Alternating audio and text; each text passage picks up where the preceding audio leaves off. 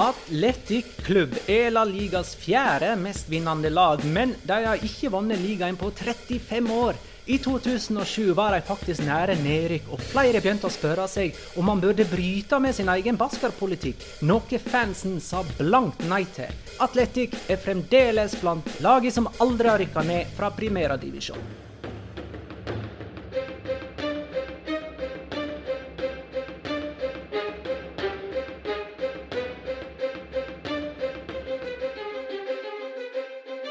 Yeah, yeah, yeah. Dette er La Liga Loca sin andre av 20 spesialepisoder, der den kommende La Liga-sesongen lag for lag blir gjennomgått episode for episode.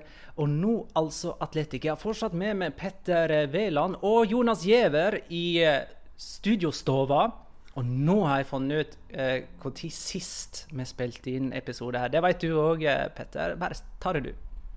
Andre påskedag da eh, moderne medier hadde stengt. Det var da vi satt og vurderte lagdelene til eh, Barcelona og Liverpool opp mot hverandre i forkant av den første eh, semifinalekampen. Så nå slipper du å lure på det, kjære lytter. Og jeg slipper å lure på det, for det, det der var tungt å sitte inne med gjennom hele første episode, uh, Alaves-episoden, som jeg håper du allerede har hørt, kjære lytter. Uh, grunnleggende om Atletic, som er en klubb og som dermed heter Atletic Club. Ikke Atletic Bilbao. Men hei, de er fra Bilbao, som ligger i Nord-Spania, og er den største byen i Baskeland med ca. 350 000 innbyggere.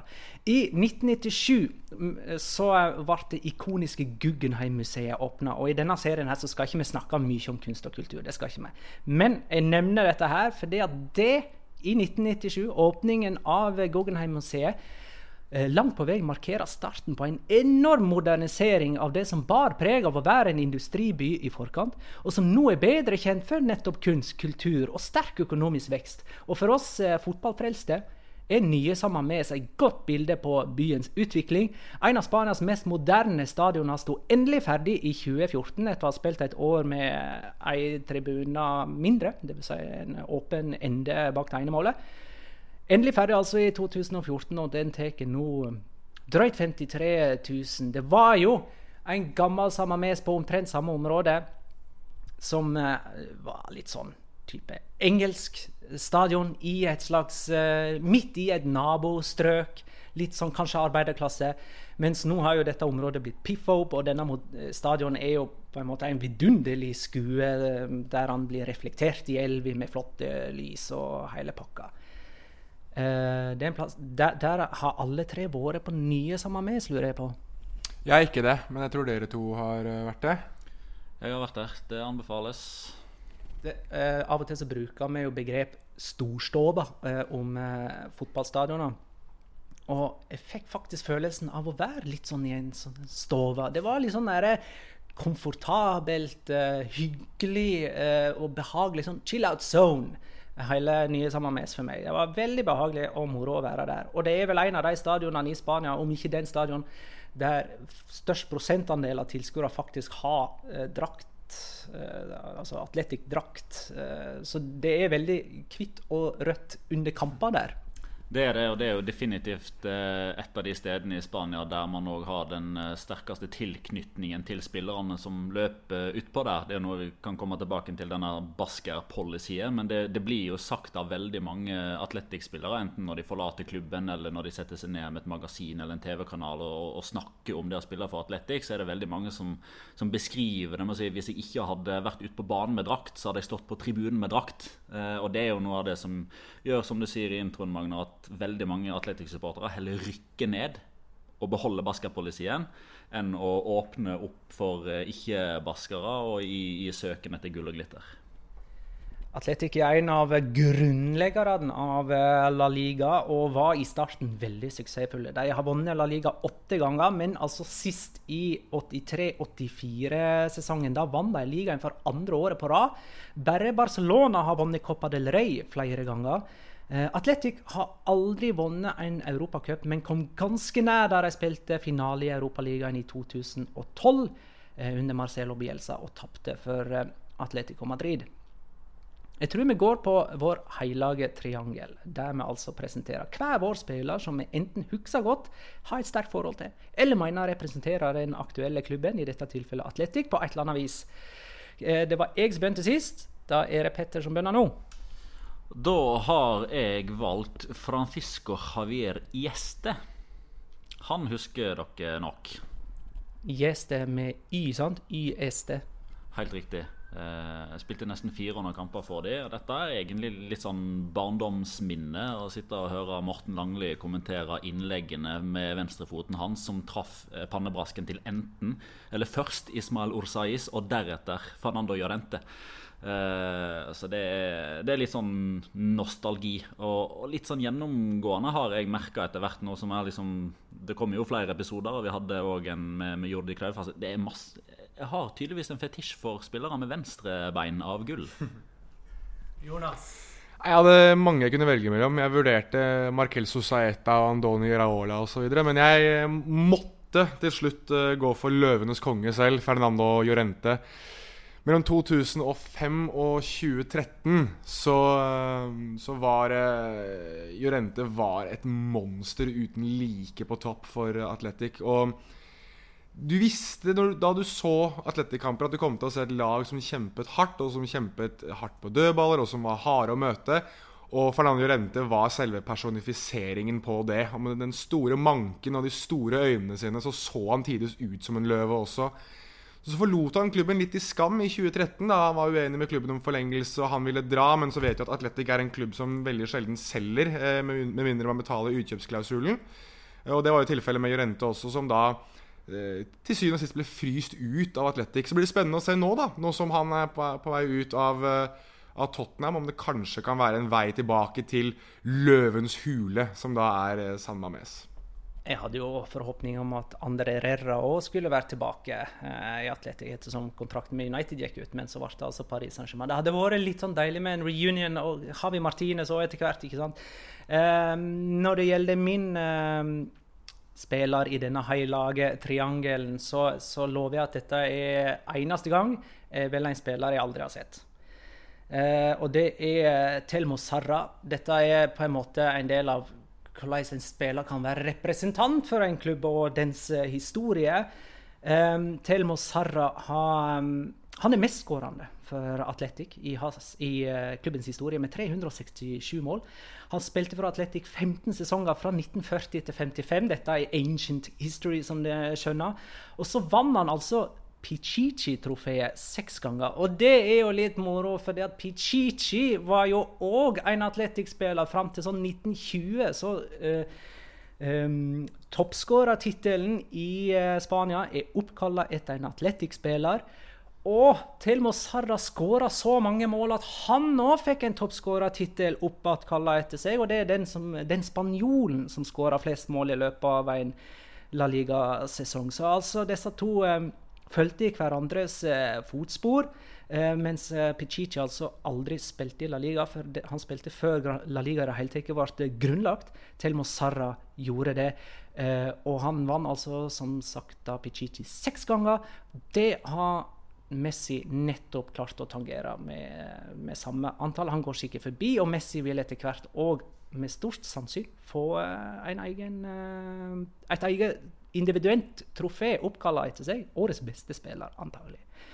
Um, har vi nå nevnt tidenes dyreste Nei, det har vi ikke, så det må vi gjøre. Det er relativt nylig, det òg. Og det var jo en overgang som skapte harme i eh, den nordøstlige delen av Baskaland, nemlig San Sebastian. For det var jo Atletic Klubb som trigga utkjøpsklausulen i kontrakten til Inigo Martinez, en venn av podkasten for øvrig, for eh, 32 millioner eh, euro. og det er jo Jeg syns egentlig det er litt rart, og jeg forventer egentlig at den overgangsrekorden blir tatt. Kanskje ikke dette vinduet, men eh, neste sommer. Fordi Atlete er jo en klubb som er så rik. Som har så mye overskudd på overgangsmarkedet nettopp pga. at de er så flinke til å forhandle fram utkjøpsklausuler i kontrakten til spillerne og har en uh, non-negotiation style. Altså det er enten eh, fingeren i midten eller tommel opp. Eh, enten ingenting eller utkjøpsklausul. Og det gjør at de har jo solgt spillere for vanvittige pengesummer. Altså Kepa, Adisabalaga, Javi Martinez, Ander Herrera, Aymeric Laporte. Det er vel de fire Eh, fire dyreste salgene. Eh, og alle har reist for summer som er større enn Inigo Martinez sin innkjøpssum, som altså var 32 millioner euro. Ja, nei, jeg, skulle egentlig bare skyte inn at når det kommer til uh, penger, og hvor mye penger Atletic egentlig har, så skulle man jo tro at med tanke på deres posisjon i spansk fotball og med tanke på den økonomiske styrken de har, så kunne de ha hamlet opp med lag som Real Madrid og Barcelona tidvis med visse overganger. Men ettersom de har denne policyen om at hvis du kun er basker, eller har lært deg å spille din fotball i Baskeland, eller har forfedre med tilknytning til Baskeland Den, Denne policyen er blitt strukket og strukket i mange mange år. Det er kun de som får lov til å spille for Atletic. Eh, og det er jo litt gøy, for det var et par år siden så var det noen som skrev en, en eh, økonomisk rapport på det her om, eh, om Atletic og hvor mye penger de egentlig tjente. Og de ligger jo i toppen av spansk fotball, sammen med både Barcelona og Real Madrid. Så det er litt trist at ikke verdens beste fotballspiller er basker vi må ta litt om basketpolitikken. Uh, du har jo vært inne på det nå, Jonas. og Jeg, jeg føler jo at den uh, baskepolicyen deres samsvarer litt med egentlig sånn som det er med landslag. Uh, den, nå, den, nå, blir nemlig utvida. At mange spillere kan spille forskjell, på forskjellige landslag. Det er jo flere spillere som kan representere tre forskjellige landslag om å velge seg et. Så det, det, står egentlig litt sånn i stil med, med fotballen generelt. selv om Eh, noen kanskje vil hevde at de har blitt litt for liberale da, med baskepolicyen sin. Men eh, Baskeland er jo en region, men eh, det kulturelle området er jo mye større. Kan du ta litt om det, Petter? Ja, det er jo den eh, nord-nordøstlige delen av eh, Spania, som jo er regionen som heter Baskaland, eh, altså Pais Basco. Eh, det, jo, det tar jo òg med det området som er Navarra, altså Pamplona, der Osasona kommer fra, og, og Vitoria, der Alaves kommer fra. I tillegg så er det da den sørvestlige delen, en liten del av Frankrike, altså det franske Baskaland. Som jo er en av årsakene til at f.eks. Aymeric Laporte, som er fransk, kunne spille for Atletic innenfor dette regelverket, som egentlig har gjeldt helt siden 1912. Eh, Bixente Lizarazu var vel i sin tid den første franskmannen som spilte for eh, Atletic. Han er for øvrig òg den siste spilleren Atletic har solgt. Altså I motsetning til det som vi var inne på litt tidligere, enten utkjøpsklausul eller ingenting. Eh, det var rett og slett fordi han eh, ville så sterkt til Bayern München og ble et problem, så da bare lot de han gå. Men etter det så har ikke Atletic solgt en eneste fotballspiller i form av å bli enig om en overgangssum med noen. Det er jo rett og slett fordi man mener at det, er man basker og spiller for Atletic klubb, så er det det største man kan oppnå. Det er den landslagsfølelsen, nasjonalismen, patriotismen som man eh, setter veldig pris på i, i Baskaland. Men som du er inne på, de har strekt denne modellen ganske nylig. Det er jo Altså Fra tilbake i, i, sånn historisk sett så må du enten ha baskisk blod, altså må være født der, eller ha foreldre som er derifra. Eventuelt så kan du da til nøds ha lært din fotball i Baskaland. Men man har hatt liksom tvilstilfeller som gjør at i hvert fall Real Sociedad-supporterne begynner å gjøre litt narr av den baskapolicien, at den ikke teller med altså Enrik Saborit, annet, som er katalaner, men som kom til Atletic da han var 16. Eh, sånn, I utgangspunktet så syns jeg den baskapolicien til Atletic er flott. Den skiller seg ut fra den moderne fotballen. Eh, men så er det jo òg folk som er motstandere, som, som mener at dette er altså, generaliserende og på grensa til rasistisk. Det syns jeg blir å dra det litt langt å dra eh, si, politikk og samfunnsproblemer inn i fotballen som ikke nødvendigvis hører hjemme. Eh, så det som gjorde meg veldig tvilsom til hvor liberal den politi politikken hadde blitt, det var da Antoine Griezmann plutselig var aktuell for uh, Atletic, ettersom han hadde hatt noen ungdomsår i uh, Real Sociedad. Uh, men i dag, da. De ble nummer åtte forrige sesong, Atletic. En av de klubbene som starta helt uh, ræva, sammen med Valencia, Celta Vigo, Villarreal, Real Sociedad.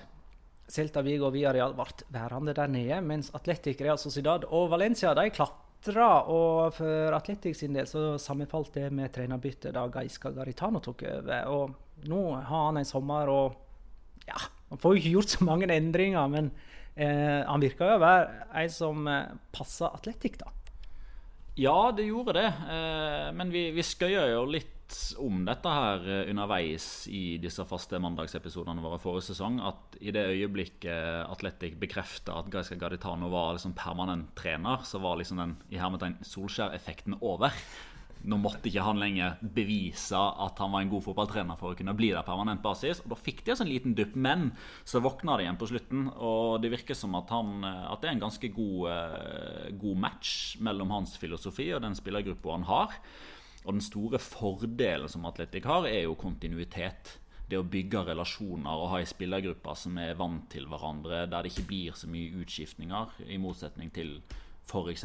Sevilla og alle nyopprykka klubber, der man ofte ser 10-12 spillere ut hver eneste sommer. Eh, så får vi jo se, da. Det, det store spørsmålet jeg stiller eh, foran kommende sesong, er jo eh, mangelen på mål for Atletics sin del var stor forrige sesong. Det kom seg litt. Man så tendenser til at Injaki Williams skulle begynne å bli den man trodde, håpte at han skulle bli, med tanke på å skåre mål. Ikke bare brenne store målsjanser etter løpt fra resten av eh, forsvaret utpå der. Og så er jeg dessverre redd for at vi er inne i det aller, aller, aller, aller, aller siste kapittelet med den tidligere langrennskongen Aritz Adoris. Det hadde vært gøy da hvis Fernando Llorente kom inn og erstattet han i løpet av enten denne sommeren eller neste sommer. Jeg, synes, jeg er veldig enig i det Petter sier. Jeg har egentlig ikke så, så mye mer å tilføye enn enn det. Men vi må jo også skyte inn det at når, du snakker tungvektere i, i, spansk fotball, så mener jeg at Atletic har en særegen plass i det at de representerer en region på en måte som Jeg satt, og tenkte gjennom Er det noen som er like i det at de har en policy, like at de er såpass taktfaste i at de skal tilhøre en region? Og Den eneste klubben jeg kommer på, eh, bare for å ha en kuriosa på det, er, er Chivas de Guadalajara i Mexico, som har en policy om at du må være meksikaner for å spille for Chivas. Og ironisk nok så spiller de begge to i hvite og røde striper. Ikke glem Odd. Ja, du må ha telemarking. Stemmer det. Eh, og så må vi jo, I og med at vi eh, hadde en bitte liten guide til hvordan man kommer seg til Vitoria, så må vi ha en liten guide til hvordan man kommer seg til Bilbao òg. Det er lett, eh, lettere tilgjengelig. Norwegian har eh, direkteruter både onsdager og fredager i eh, august. Eh, onsdager i september og oktober. Men dette er sesongbasert. Så etter det så må du, altså hvis du vil direkte dit, så, så går ikke det etter oktober. Da må du via Brussel, Paris, Amsterdam etc. Men veldig enkelt og greit å komme seg til Bilbao. Stadion ligger veldig veldig sentralt i byen. Det er innenfor gangavstand fra alt av severdigheter. Treningsfeltet Lesama ligger øst for byen, ikke så langt fra flyplassen. Ca. 15-20 minutters kjøretur. Og en aldri så liten fun fact, eller det er egentlig what the fuck, egentlig. Iken Monyain er bare 26 år gammel. Eh, eh, altså Bilbao er sånn en fin by og sammen med er sånn en fin stadion at jeg har lyst til å anbefale sterkt alle sammen å uh, teste det ut. Men samtidig så har jeg ikke lyst til at dette skal bli en turistattraksjon, spesielt ikke da sammen med for det, at det kan drepe stemningen der. Eh, men eh, er det litt sånn status quo? altså Atletic åttendeplass forrige sesong ser på en måte ikke verken sterkere eller svakere ut denne sesongen.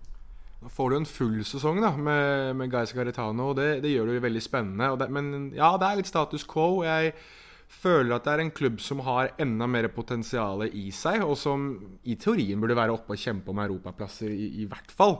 Eh, nå er det kanskje et lite gap, eller litt for stort gap opp, burde jeg si, til de topp fire, men at de skal være i europadiskusjon, det er definitivt. Og så er de avhengig av å få en litt bedre start, åpenbart. Altså, de avsluttet jo med stil i fjor.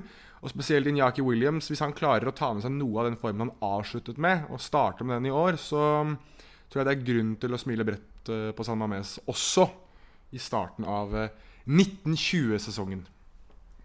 Da har vi gjort to av de fire baskiske klubbene, i alle fall de som er fra Baskerland. Det er jo flere hvis vi tar med hele det baskiske kulturelle området, men to av de fire fra Baskerland.